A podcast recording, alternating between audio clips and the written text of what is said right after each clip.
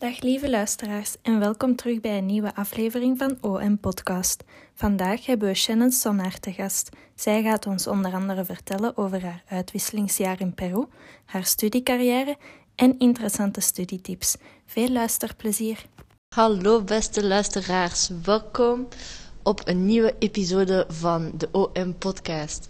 Vandaag hebben wij een super speciale gast bij ons, uh, Shannon Sonnaert. Hallo Shannon.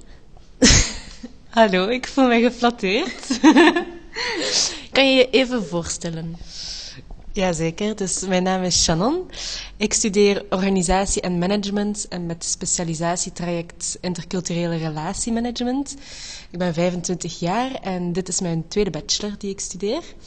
Uh, verder uh, ga ik graag uh, met vriendinnen op terras, doe ik graag aan aquarellen. En ja, ik veronderstel dat we nog meer te weten gaan komen in deze podcast over mij. Dus ja, begin maar. Eerst en vooral, hoe ziet uw studieproject, studietraject, levenstraject er tot nu toe al zo uit? Oké, okay, um, dus na het middelbaar ben ik een jaar naar Peru gegaan. Uh, het was mijn droom om eigenlijk Spaans te leren. En ik had toen heel toevallig eigenlijk de kans om via uh, Rotary naar Peru te gaan voor een jaar. Dat was een culturele uitwisseling waar dat ik uh, bij vier of vijf gastgezinnen ben gaan wonen eigenlijk. En dan pas je je ook aan aan die familie. En uh, ik had toen ook de kans om vrijwilligerswerk te doen, maar ook hele mooie reizen te maken. Dat was fantastisch. Um, en na dat jaar dacht ik van ja, kijk, ik, ik, uh, ik heb mijn doel behaald. Ik kan vloeiend Spaans spreken, maar ik wil meer. Ik sprak toen al redelijk goed Frans, maar ik wou nog, nog een level hoger gaan. En um, ik dacht, ja, Duits heb ik gezien in het middelbaar, maar ik ben dat ook wel weer vergeten. Dus hoe kan ik daarvoor zorgen dat ik dat ook weer verbeter? En dan ben ik gaan kijken naar um, een bachelor waarbij ik talen kon leren, of talen kon uh, bijstuderen. En het beste dat toen paste voor mij was tolken en vertalen. Um, in Mons, donc à l'Université de Mons, l'école d'interprétation et de traduction. Um, en was, ja, dat was mijn idee dan, omdat in Vlaanderen kon je niet Duits en Spaans combineren, dus daarom ben ik naar Wallonië gegaan eigenlijk. Dus dan heb ik daar drie jaar gestudeerd. En um, toen, ja, als je dan nadenkt over de masters, dan zag ik van, ja, oké, je hebt tolk, je hebt vertaler, je hebt uh, docent zijn. Uh, maar dan besefte ik van, ja, als tolk of als vertaler, dat is denk ik een heel mooi beroep. Maar ik merkte ook in de lessen dat hetgene wat ik het leukste vond, was eigenlijk talen studeren, grammatica studeren en zo'n dingen. En niet per se de tolkoefeningen of de vertaaloefeningen. Dus ik uh, heb toen gesnapt eigenlijk dat het beroep op zich niet goed bij mij past. Ook omdat ik een heel sociaal persoon ben. Ik ben graag in contact met mensen. En um, ja, dus ik wou eigenlijk uh, een beetje kijken of ik mij kon heroriënteren.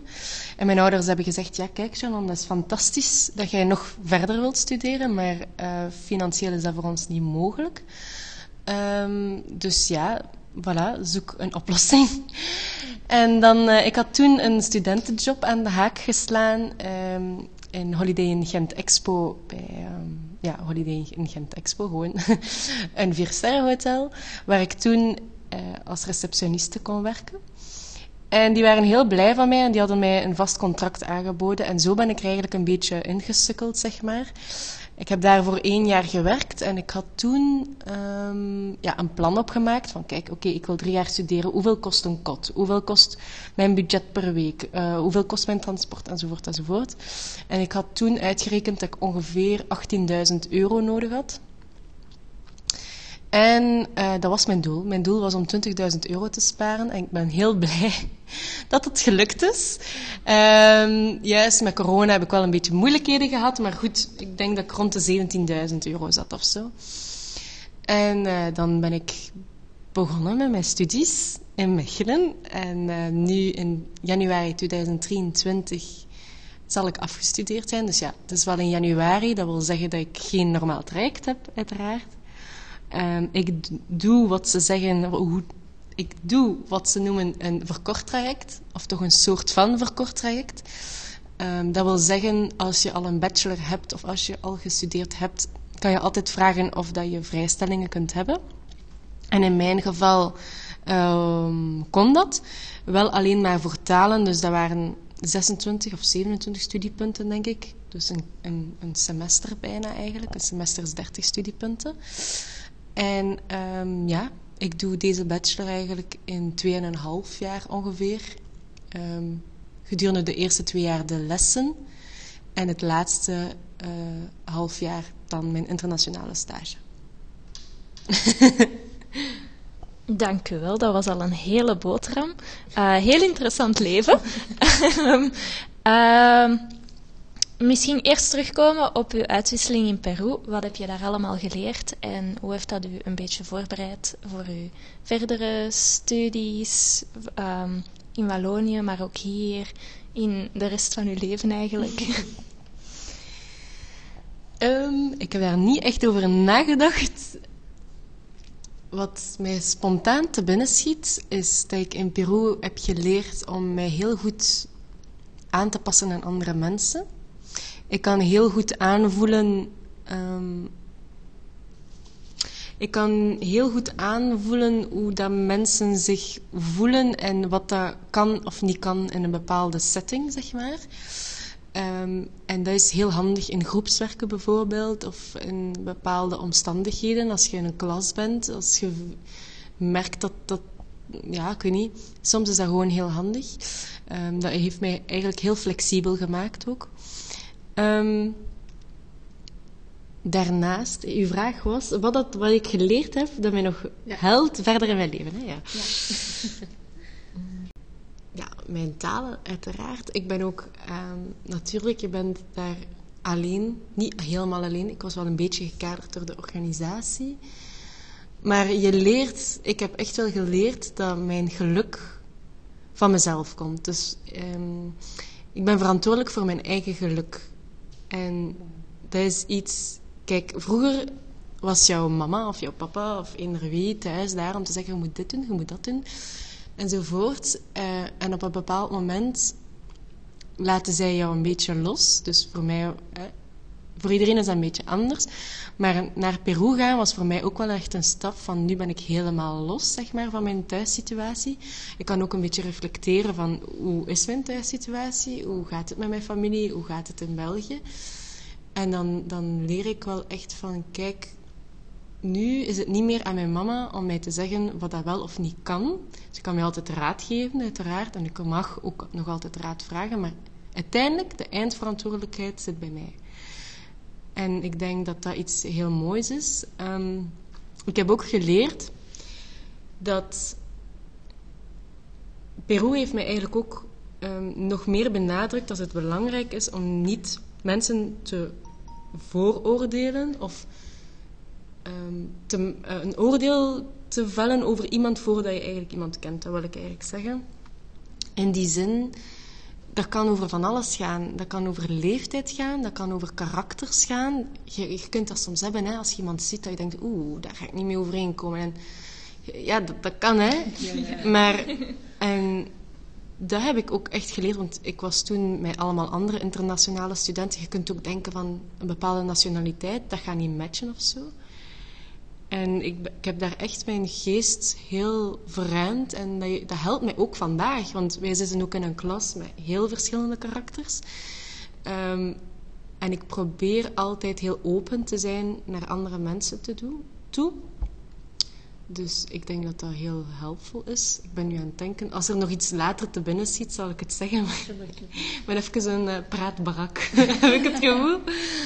Um, maar dus je bent een jaartje in Peru gebleven.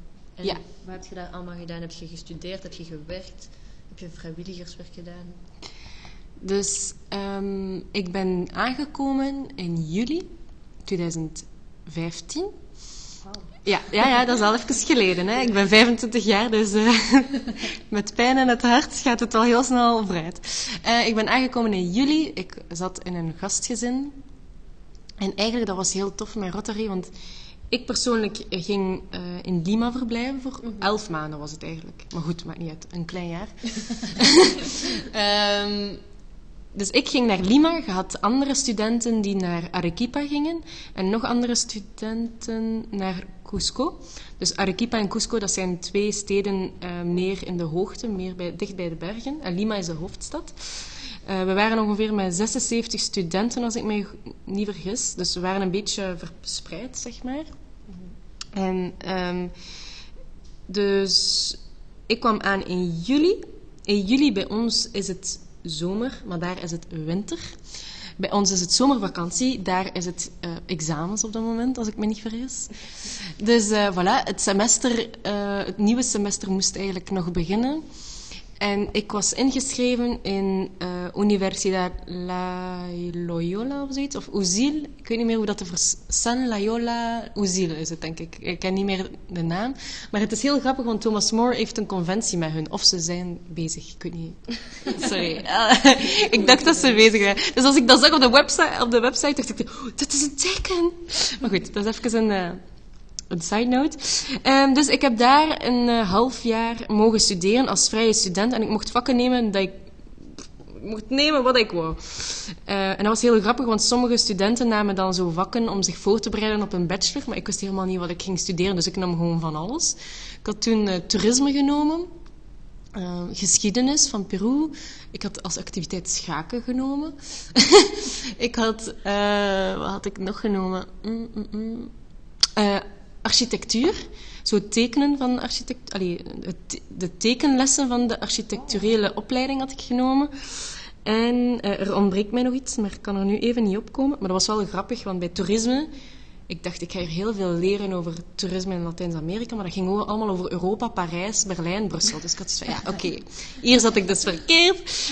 En uh, dat was ook wel iets in Peru dat ik deed, is op alles ja zeggen. Of ja, op heel veel ja zeggen en heel ook een open geest hebben. Niet alleen voor de mensen, maar ook voor de activiteiten. Dus schaken. Ik kon niet schaken, maar ik dacht, ja, waarom niet? Weet wel. Dan leer ik ook iets nieuws. En dan... In het tweede semester werd ik ingeschreven in een andere universiteit. En dat was een, uh, een gastronomische opleiding. Superleuk, want normaal gezien tijdens de bachelor was het alleen maar theorie en in de master krijgen die mensen eigenlijk um, praktijkoefeningen allee, ja, in de keuken, als ze moeten koken eigenlijk. En wij als uh, studentjes, uh, eh, 18 jaar, niets uh, nutters, mochten direct met de masters meedoen in de keuken en kregen eigenlijk kookles. Dat was super plezant. We hadden ook ons uniform en zo. Dat was zo leuk. Uh, dus dat voor het studeren.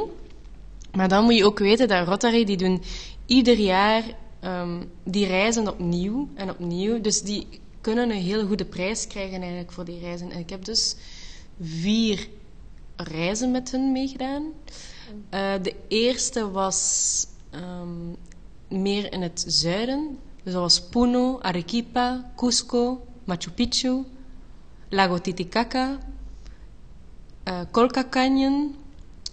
Ja, ik denk dat dat het was ongeveer misschien vergeet ik iets.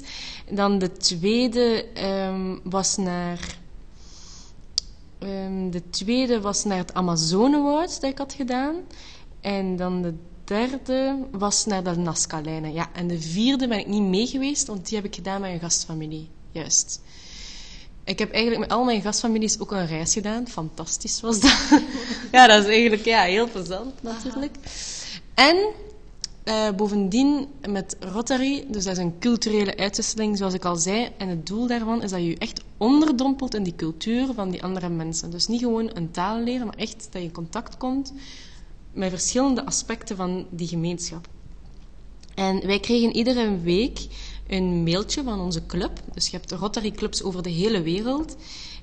Um, en dat is eigenlijk een uitwisseling dat je doet van club naar club. Dus club ah, van waar dat ik mij had ingeschreven voor mijn uitwisseling naar de club waar dat ik naartoe ging gaan. En waarom zeg ik dat nu? Iedere week kreeg je... Ah ja, iedere week kreeg ik een mail... Eh, iedere maand kreeg ik een mailtje met alle activiteiten dat er voorzien waren in die maand. Uh, wij moesten ook iedere week aanwezig zijn op zo'n reunie van de Rotary, waar dat er van alles wordt verteld over wat dat ze verwezenlijkt hebben of hoe ver dat ze staan met bepaalde projecten. Zij uh, zamelen vaak geld in om bepaalde projecten te verwezenlijken voor bepaal, bepaalde buurten. Of altijd, um, ja, dat is uiteindelijk een VZ2. Zij, zij zij proberen bepaalde doelen te behalen. Maar goed, iedere week dus, eh, iedere maand dus krijg ik een mail met alle activiteiten en iedere maand staat er daar ook ehm, vrijwilligerswerkactiviteiten in. Dus ik heb dan meegedraaid in, ehm, in een weeshuis, twee, twee of drie keer. Ik heb gewerkt met doven, ik heb gewerkt met eh, mensen met een beperking. Ik heb, ehm, en zo heb ik iedere maand eigenlijk... Ik heb geld ingezameld voor ehm, mensen met kanker. Ik heb ook... Dat was heel leuk. Rotary heeft een heel groot netwerk. En zij zeiden dan ook van... Kijk, mensen, wij zouden het leuk vinden als jullie studenten een project op poten stellen. We gaan jullie op een of andere manier wel ondersteunen, maar jullie doen het wel. En wij hadden twee talentenshows uh, georganiseerd. Dus Rotary had gezorgd voor de zaal. Maar wij hadden wel de mensen uh, gelokt, zeg maar. Reclame gemaakt, flyers gemaakt en dit en dat. En wij moesten alles doen. We moesten uh, zeggen aan de mens van de lichten van je moet de lichten zo en zus en zo. En de muziek en weet ik veel. En daarmee hadden we, ik denk, 3000 of 3500 dollar ingezameld. En hadden we zoiets van, oké, wat gaan we doen? Wat willen we doen? En dan zijn een paar studenten naar Amazonewoud mogen gaan om onderzoek te gaan doen. En we zagen daar dat uh, verschillende watertorens niet meer in goede staat waren. En dus hebben we watertorens uh, gebouwd. Dus dan zijn er ingenieurs gekomen om uh, de, de, de ingenieuraspect dingen te doen. En dan zijn wij daarna gekomen om te verven en om ja, voilà, met in contact te komen, ook met de gemeenschap. En dat was eigenlijk een hele, hele mooie ervaring. Ja. ja. En ook naar de gemeenschap gaan. Er was er een schooltje waar we mochten gaan voorlezen en zo. Dat hebben we ook vaak gedaan. Dus ja, een hele boterham natuurlijk. Dat is een beetje in een notendop wat ik heb gedaan. Ik hoop dat je meevolgt. Ja, het is echt een heel avontuur. Echt super interessant. En dan misschien, want Peru heel tof, maar daarna terug studeren en dan werken. um, hoe was uw werkervaring? En ja, daarna, hoe heb je dan ja, terug beslist om, om de stap te maken van... Allee, ja, ja, je had het al gezegd, dat je terug wou studeren. Mhm. Maar um, wat heeft daarvoor gezorgd dat je nog verder wou studeren? En hoe was uw werk? En zo mhm. ook. En heeft, heb je tijdens uw werk getwijfeld van... Wil ik nog wel gaan studeren of wil ik echt blijven verder werken? Ja, hoe zat mhm. dat allemaal in elkaar? Um, ik werkte dus in een, in een hotel en het is een werk die ik iedereen kan aanraden op dat vlak dat het heel polyvalent is. Je moet zowel een beetje administratie doen als aan de balie staan. Eh, je moet met mensen in contact komen, ja, met klanten in contact komen. Maar je werkt ook met andere teams samen. Tegelijkertijd werk jij ook in een team samen. Dus er zijn heel veel vaardigheden die ik heb geleerd of heb verbeterd tijdens die periode. Ehm, maar ik weet wel dat dat niet ja, mijn droomjob was. Uh, dat was een job die mij heel goed lag, denk ik. Ook omdat ik met mijn taal heel gemakkelijk connecties kon maken met de klant. Dat vond ik heel leuk. maar ja, je hebt ook, zoals in heel veel zaken, zijn er mensen die soms een keer wat moeilijk doen. En daar, uh, dat vond ik wel uh, een pittige in het begin. Maar we, kregen daar ook een opleiding voor. En we kregen ook opleiding voor, um, voor verkoop enzovoort. Dus ik heb heel veel geleerd. Ik vond dat echt een hele rijke ervaring. Ik wist sowieso dat ik wou verder studeren, want ja, ik weet het niet. Ik wist ook niet zo goed in welke richting dat ik uit wou gaan. Dus ik dacht van ja, mijn talen dat is heel goed, maar ik wil toch nog iets extra doen. En ik twijfelde toen heel hard tussen communicatiemanagement en IRM, dus uh, organisatie en beleid en dan inter interculturele relatie. Wat is het? Interculturele relatiemanagement, ja. Het is een hele mond vol, ik vind het veel te lang. Maar goed, dat gezegd zijnde, ik heb heel hard getwijfeld um, en ik had toen wel zo'n beetje het idee van ja, communicatie, dat is wel fijn. Maar ja, um, wat dat mij aantrok toen was de creativiteit dat je erin kunt steken eigenlijk. Maar dan dacht ik, ja, dat is toch wel ook heel marketinggericht en, en misschien een reclame gericht. Ik had zo'n idee zo. Weet wel, dat is heel moeilijk ook voor die mensen, die docenten dat je daar gaat bezoeken, die hebben één dag misschien 20 minuten om u alles uit te leggen wat dat die opleiding is. En dat is soms heel moeilijk. En zij hebben mij niet kunnen overtuigen.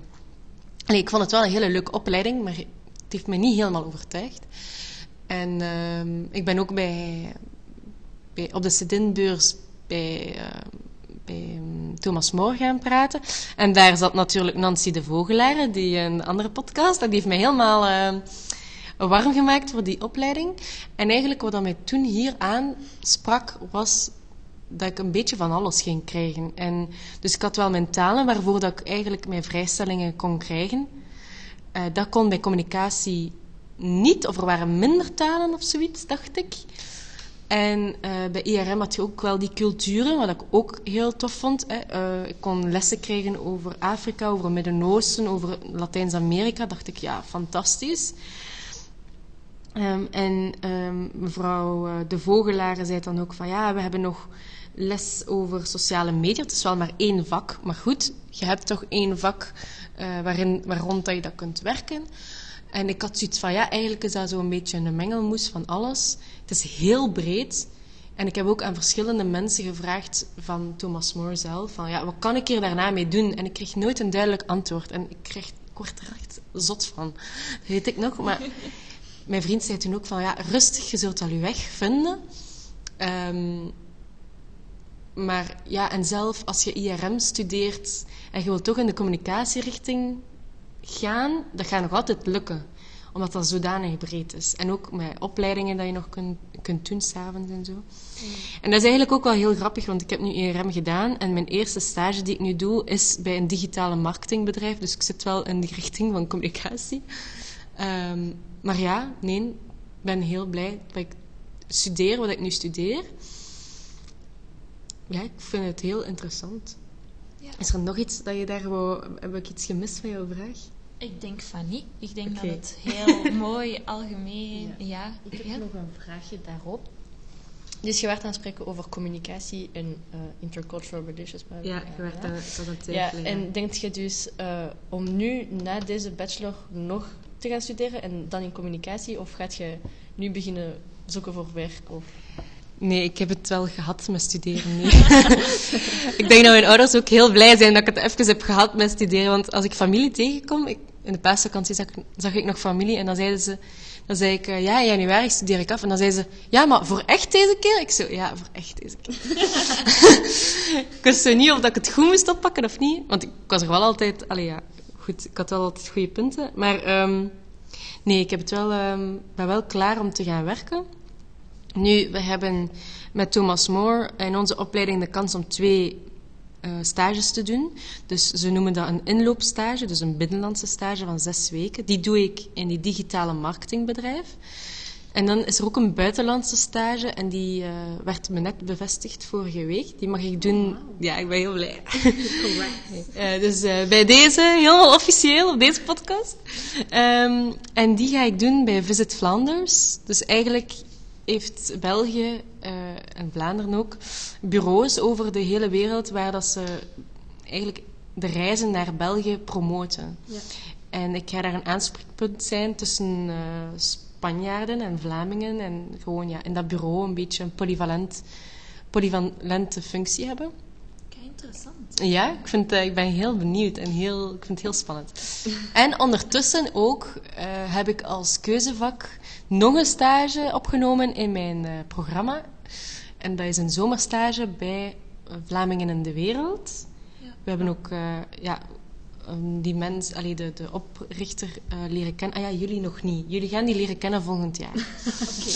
okay. um, dus ja, Vlamingen in de wereld, dat is een VZ2 die eigenlijk mensen, dus Vlamingen, ondersteunt die naar het buitenland willen emigreren. Oh. Dus dat kunnen diplomaten zijn, dat kunnen uh, business, allee, zakenmensen zijn, dat kunnen gewoon gepensioneerden zijn die uh, mm -hmm. naar Tenerife een appartementje willen hebben. Of dat kunnen jullie zijn die een wereldreis kunnen nemen, doen. Dus dan helpen dan helpt Vlamingen in de wereld zowel met de papieren als uh, gewoon raad geven over welke verzekering en zo. Dat kan, hè? Dat hoeft niet, maar dat kan. Maar ook een beetje over cultuur. En dus uh, daar ga ik een stage bij volgen.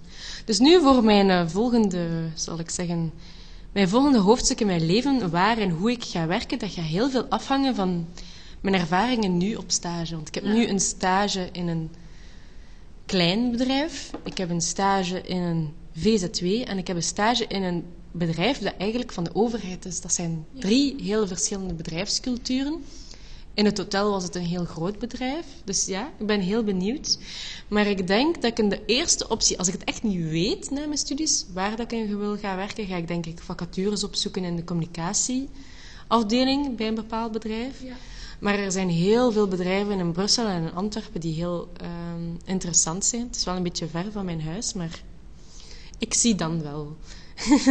ik zie dan wel eh, wat ik ga doen.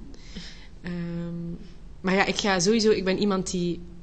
Ja, ik, ik leer heel graag bij. Ik ben heel curieus, dus ik denk dat ik wel ga blijven leren. Maar het zal dan meer aan de hand van boeken zijn of eh, avondopleidingen of weet ik veel. Maar ehm, ik ben wel klaar. Ik kijk er wel naar... Uitkijken is veel gezegd. Maar ik ga klaar zijn. Ik ga blij zijn als deze opleiding klaar is, denk ik wel. Ik heb het wel... Ik heb wel mijn dosis gehad nu. Ja. Ja. Ja. Hoe werkt een verkort traject juist? Want, allee ja, niet hoe dat het allemaal, allemaal in elkaar zit, maar ehm, ja, hoe, hoe, zit de, hoe zit het in elkaar? Want als je naar een hogeschool of universiteit gaat of zo en je gaat een verkort traject doen, ik kan mij inbeelden dat daar een, een paar dingen moeten zijn dat je al hebt of niet hebt en wat dat je dan wel doet en niet doet. Hoe, hoe is dat bij u gelopen? En ja, Oké, dus als je een luisteraar bent die zelf misschien een verkorte trajectprofiel hebt, ehm, allereerst moet je je rapporten eh, allemaal opvragen. Er moeten daar stempels op staan van je vorige universiteit. Je gaat dan bij jouw toekomstige hogeschool of universiteit dat je zegt van kijk, ik uh, zou heel graag als verkorte trajecter willen studeren. Dit zijn mijn rapporten. Zij kijken dan na en zij gaan equivalenten zoeken eigenlijk tussen de vakken in de opleiding en de vakken die hier... Uh, de vakken van de opleiding die je al kreeg en de vakken van de opleiding die je gaat doen.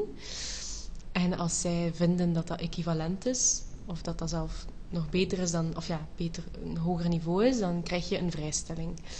En dus um, daarna heb je natuurlijk jouw individueel studieprogramma, ISP, zoals dat ze dat gaan noemen. Um, en dan gaan ze proberen te puzzelen, kijken van oké, je hebt... Want ja, natuurlijk, ik, ik heb in het totaal 26 studiepunten. Maar dat wil niet zeggen dat al die studiepunten eigenlijk... Ja, voor mij was dat nu talen. Dus talen, dat is heel logisch. Dat is, ieder jaar krijg je daar een beetje van. Dus mijn trajectbegeleidster heeft eigenlijk um, gepuzzeld, zodat ik niet gewoon drie lichte jaren heb, maar in, in de plaats daarvan dat ik eigenlijk twee jaren een beetje harder heb moeten werken, zodat ik één semester helemaal vrij ben. Snap je wat ik bedoel? Uh, maar dat is voor iedere student anders. Dat ligt ook aan uw profiel. Ik had hiervoor al gestudeerd, dus ik wist een beetje hoe dat ik moest studeren. En um, ja, ik heb een tandje, hoe zeg je dat? Ik heb een beetje extra, ja, ik heb een beetje extra gewerkt. Uh, maar dat is voor iedere student anders. Ik ken wel nog andere verkorte trajectors. Hey, verkorte trajectors als je luistert. Die zijn allemaal in buitenland nu, of toch bijna allemaal. Um, en bij hun was dat dan ook ja, anders, want zij hebben gestudeerd in Vlaanderen. Dus de hogescholen tussen elkaar kennen de bachelors veel beter. Mm -hmm. En om die vrijstellingen te geven, ik heb de indruk dat dat gemakkelijker gaat. Ja. Want ja, je bent de tiende die dat vraagt, met manier van spreken. Dus dat gaat veel sneller allemaal.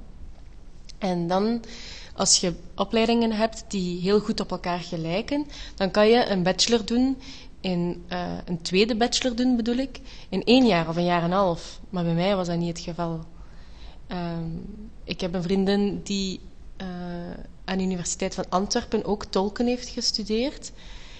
Ja, en zij heeft, ik denk, ik vraag me af of dat zij haar bachelor niet in een kortere tijd doet dan ik. Maar dat, is, ja, dat hangt allemaal af van de vakken die je hebt. Ik had andere vakken dan haar in Wallonië en uh, zij heeft voor meer dingen vrijstellingen kunnen hebben. Dat, aan de ene kant kunnen zeggen, ja, dat is niet eerlijk, maar aan de andere kant, als, die, als er meer lessen zijn die overeenkomen, ja, dan is dat wel logisch, hè, ja. daar, daar kunnen we dan niets aan doen.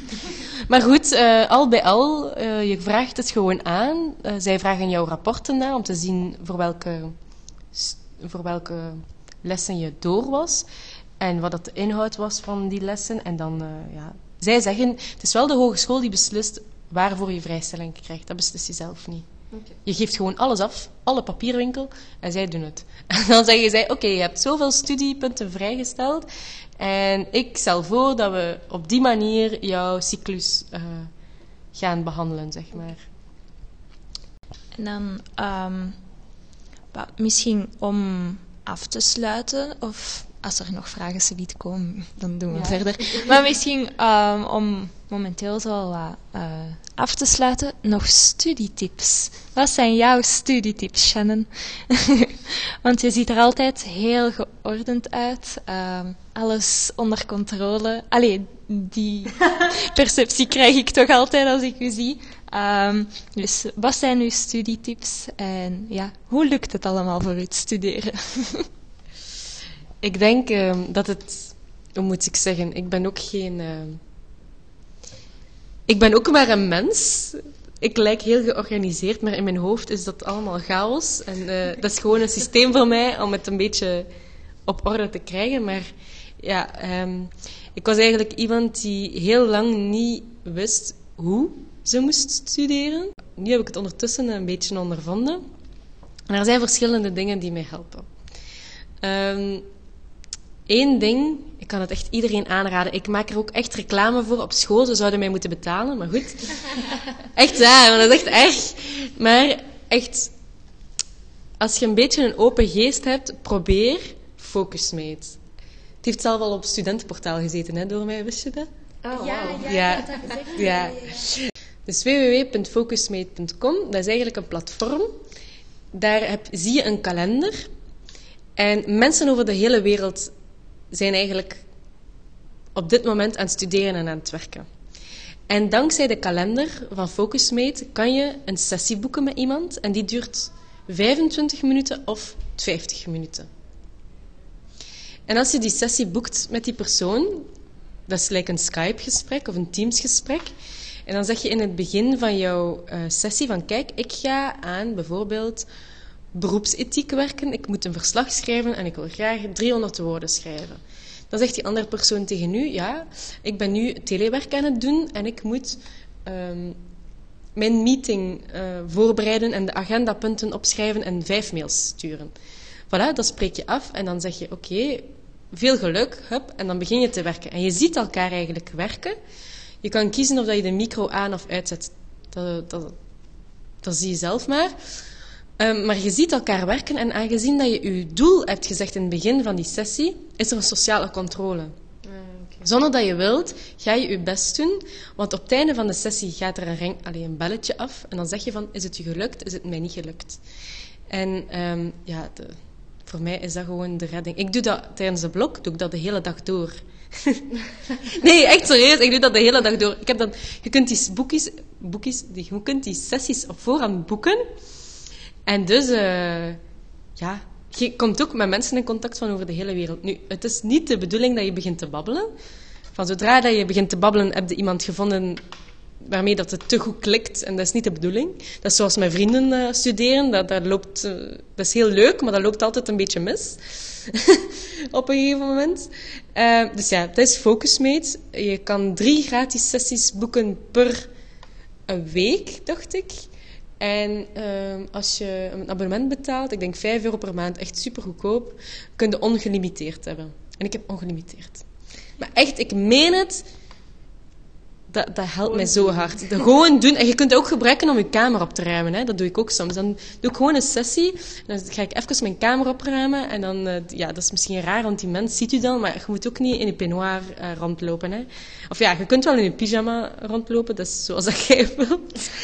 Maar goed, dat gezegd zijnde, dat is één ding.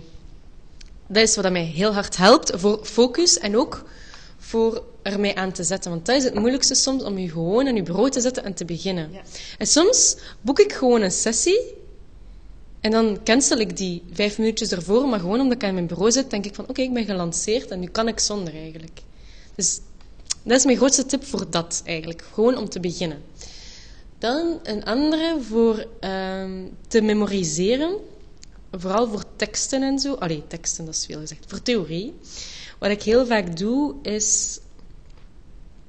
eh, bijvoorbeeld bij opsommingen is dat heel gemakkelijk. Of ja, PowerPoint, dat kan ook nog... Nee, ja, opsommingen is dat gemakkelijkste. Dus je leest een tekst... ehm, of ja, je leest je opsomming. Je schrijft de opsomming over. Oké, en dan dek je het af. En dan probeer je de opsomming nog eens neer te schrijven. En dan doe je dat opnieuw en opnieuw en opnieuw, tot als je eh, je opsomming van buiten kent. En ehm, dat heet active reading of active learning. En de, ik heb dat van een YouTuber, zij heet Anna Mascara. Dat is een eh, psychologiestudent en zij heeft daar een, een video over, over hoe in je eigen bubbel studeren. Want dat is het eigenlijk. Hè. Een goede studiemoment, dat is voor mij in de flow kunnen geraken van het studeren eigenlijk. Eh, dat je een beetje de tijd vergeet en dat je echt zo zit van ja, dat is goed gelukt. Ja, oké, ik kan het, ik kan het. En dat is heel leuk. Natuurlijk is het moeilijk om in zoiets te geraken. Maar active reading voor mij eh, helpt echt. Dus actief leren, actief lezen. Dus dat is één iets, jezelf opvragen eh, de hele tijd. Of als je echt kei moe bent, je bent net voor de dag voor een examen, je hebt geen goesting meer om te studeren en weet ik veel. Wat dat mij ook helpt, is gewoon lezen, wat ik aan het lezen ben, maakt niet uit, mijn cursus. En terwijl ik aan het lezen ben, heb ik een kladpapier bij mij en schrijf ik gewoon op met potlood of of wat. En kijk niet eens naar wat ik aan het schrijven ben. Hè. Dat zijn gewoon kernwoorden. Maar het feit dat je leest en tegelijkertijd met je hand een beweging maakt, zorgt ervoor in je brein dat je je extra goed kunt concentreren. Voor een of andere reden werkt dat gewoon. En ehm, ik zeg het u, die, dat kladblad, dat trekt op niets. Hè. Dat is gewoon een kriebel-krabbel. Dat is helemaal grijs bij mij van mijn potlood. helemaal met vlekken. Ehm, dus ja, dat helpt heel hard. Ben even aan het denken of er nog zo van die trucken zijn voor actief te leren. Ja, ook als je leest, terwijl dat je leest, eh, met kleurcodes werken. Je ziet een datum, oké, dat is blauw, bla bla bla. Maar bij sommige mensen werkt dat niet goed, want zij hebben niet graag een kleurboek. Dat kan ik ook begrijpen. Dus dat is het eh, belangrijkste. En dan, tegen heel veel studenten in, ik ben geen student die samenvattingen maakt. Ik maak dat niet. Wat ik doe, is, ik pak dus cursus dat de, student, dat de docent mij geeft. Ik neem een blaadje en ik dek mijn cursus af. En ik lees, en dan dek ik het af en dan zeg ik het op. En dan kijk ik, oké, nee. En dus nu doe ik het zin, zin per zin, hè. En op die manier studeer ik van buiten. De tijd dat jij een samenvatting maakt, heb je misschien al een blad gestudeerd. Maar dat, is voor, dat moet je zelf uitmaken voor jezelf. Maar ik weet van mezelf dat ik soms niet de details en de belangrijke dingen van elkaar kan houden. En dus als ik een samenvatting maak, wil ik het veel te mooi maken, want ik ben perfectionistisch. Uh, wil ik het... Um, wil ik er veel te veel details in steken enzovoort. Dus op die manier, dat helpt voor mij. En als ik toch tijd over heb, of als ik zo in een crisissituatie zit, um, dan ga ik mijn cursus lezen en dan stel ik zelf vragen. Schrijf ik mijn vragen op. En dan daarna ga ik daarover, daarna stel, ga ik mezelf opvragen. Dus stel nu dat ik uh, examens heb en ik zit in een crisissituatie, ik weet niet wat ik moet doen. Ik heb die cursus nog niet bekeken. Wat ik dan doe, is een drie-stappenplan, zoals ik het zelf noem. Dus de eerste dag ga ik mijn cursus lezen en ga ik proberen het zoveel, zo vaak mogelijk snel te proberen lezen. Dus niet heel nauwkeurig, gewoon zoveel mogelijk mijn liniaal of mijn potlood over de lijnen gaan en dat heel snel proberen lezen. En ik probeer dat dan vier of vijf keer te doen. Dat gaat echt heel snel. Um, maar het feit dat je dat de hele tijd herhaalt, je brein gaat uh, kernwoorden herkennen na een tijdje. Um, dat is de eerste dag. Dan de tweede dag ga ik actief leren of actief lezen. Dus wat ik daarnet zei, met dat schrijven of met mijn blaadje dat zo wegsteken. En dan de derde dag, wat ik dan doe, um, is zo'n test maken. Zo'n test, mm -hmm. zodat ik mezelf kan opvragen op het einde van de avond. En omdat ik die eerste dag zoveel heb herhaald, de tweede dag heb ik actief geleerd, de derde dag maak ik een test, ja, dan... Ik, al ja, het gaat dan bijna vanzelf eigenlijk. En dat is, dat is heel vaak niet altijd, maar soms, dat is mijn crisisplan. Als ik weet van voor een bepaald vak, dat gaat niet. Dat is wel voor theorievakken, dat gaat niet voor taal. Talen, dat gaat niet. voor bepaalde theorievakken is dat echt mijn uh, way to go. Of in de blok doe ik dat ook op die manier. Goed om te weten. Ja. En dan, ik ben eens aan het kijken. Ah ja, ik heb hier nog een tip. Uh, ik heb ook zo een paar rituelen, zeg maar, in de ochtend en in de avond dat ik doe. En dat zet mij dan echt in de mood om te studeren. Dus dat is bij iedereen anders. Maar als je eens een goede studeersessie hebt gehad, moet je eens reflecteren over... Oké, ik, had een goede ik had een goede studeersessie, maar wat had ik aan? Hoe was mijn raam open? Was mijn raam dicht? Hoe was het licht? Uh, waar stond mijn bureau? Waar heb ik gestudeerd? Om hoe laat heb ik gestudeerd? En als je dat begint te analyseren, kun je daar ook rituelen rond bouwen, zeg maar. Um, ja, bijvoorbeeld, ik neem een thee, niet in de ochtend, maar altijd zo rond tien uur. Want als ik een thee neem, moet ik heel kort daarna naar het toilet gaan. En als ik dat direct doe in het begin van mijn dag, dan heb ik al geen concentratie niet meer. Want ik begin dan net met studeren, ik ga dan weer weg. Dat is voor mij geen goed idee. Um, ik had dan ook van, ja, gemakkelijke kleding. Ik kan ook niet studeren zonder kousen aan. Dat is iets heel raars, maar ik kan niet studeren zonder kousen aan. En ja, zo'n dingen heb ik gewoon geobserveerd. En ja, dat heeft zo ervoor gezorgd dat ik zo bepaalde ritueeltjes heb. En dan s'avonds altijd mijn bureau, alles in mijn kast. Of ja, wegsteken of mijn to-do-lijst bekijken of weet ik veel. Um, ja, en dan als pauze naar buiten gaan of um, liggen. Gewoon op mijn bed liggen en een powernap doen van 10 minuutjes of zo. Of 15 minuutjes of 7 minuutjes. Maar nooit langer dan 20 minuten, dat is de regel. Dus uh, voilà. En ook echt ontprikkelen, geen schermen. Allee, dat is voor mezelf, hè. Maar geen nieuwe informatie. Voor mij, ik weet dat jij in een podcast had gezegd dat je graag leest. Ja. Voor mij gaat dat niet, omdat dat is nieuwe informatie en dat ontspant mij niet. Dan ontprikkel ik. Ik luister dus nooit een beetje muziek zonder tekst. Gewoon dat ik even kan dromen, zo. Voilà. En dat waren mijn, uh, mijn tips. Ik hoop dat het nuttig waarschijnlijk ken nuttig. Ik hoop dat het nuttig zal zijn. En, uh... Voor mij in ieder geval nuttig. Ik heb uh, een paar dingetjes bijgeleerd. Oh, ik zal ze Welke ga je proberen? ik zal de focus mee proberen. Oké, okay, we kunnen samen een sessie boeken als je wil. Dat kan zo goed zijn. Wat is ja? Uh, heb jij nog een laatste ding te zeggen naar onze luisteraars? Um, ja, you are your own limits. Mooi gezegd.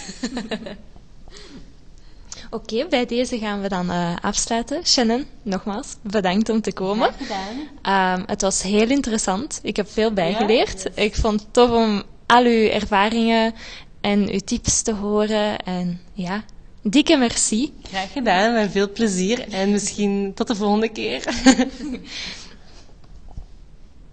Zo, lieve luisteraars, dit was het dan weer voor deze aflevering van OM Podcast. Wij hopen dat jullie Shannon haar verhaal interessant en inspirerend vonden. Bedankt om te luisteren en tot de volgende keer voor alweer een nieuwe aflevering van OM Podcast.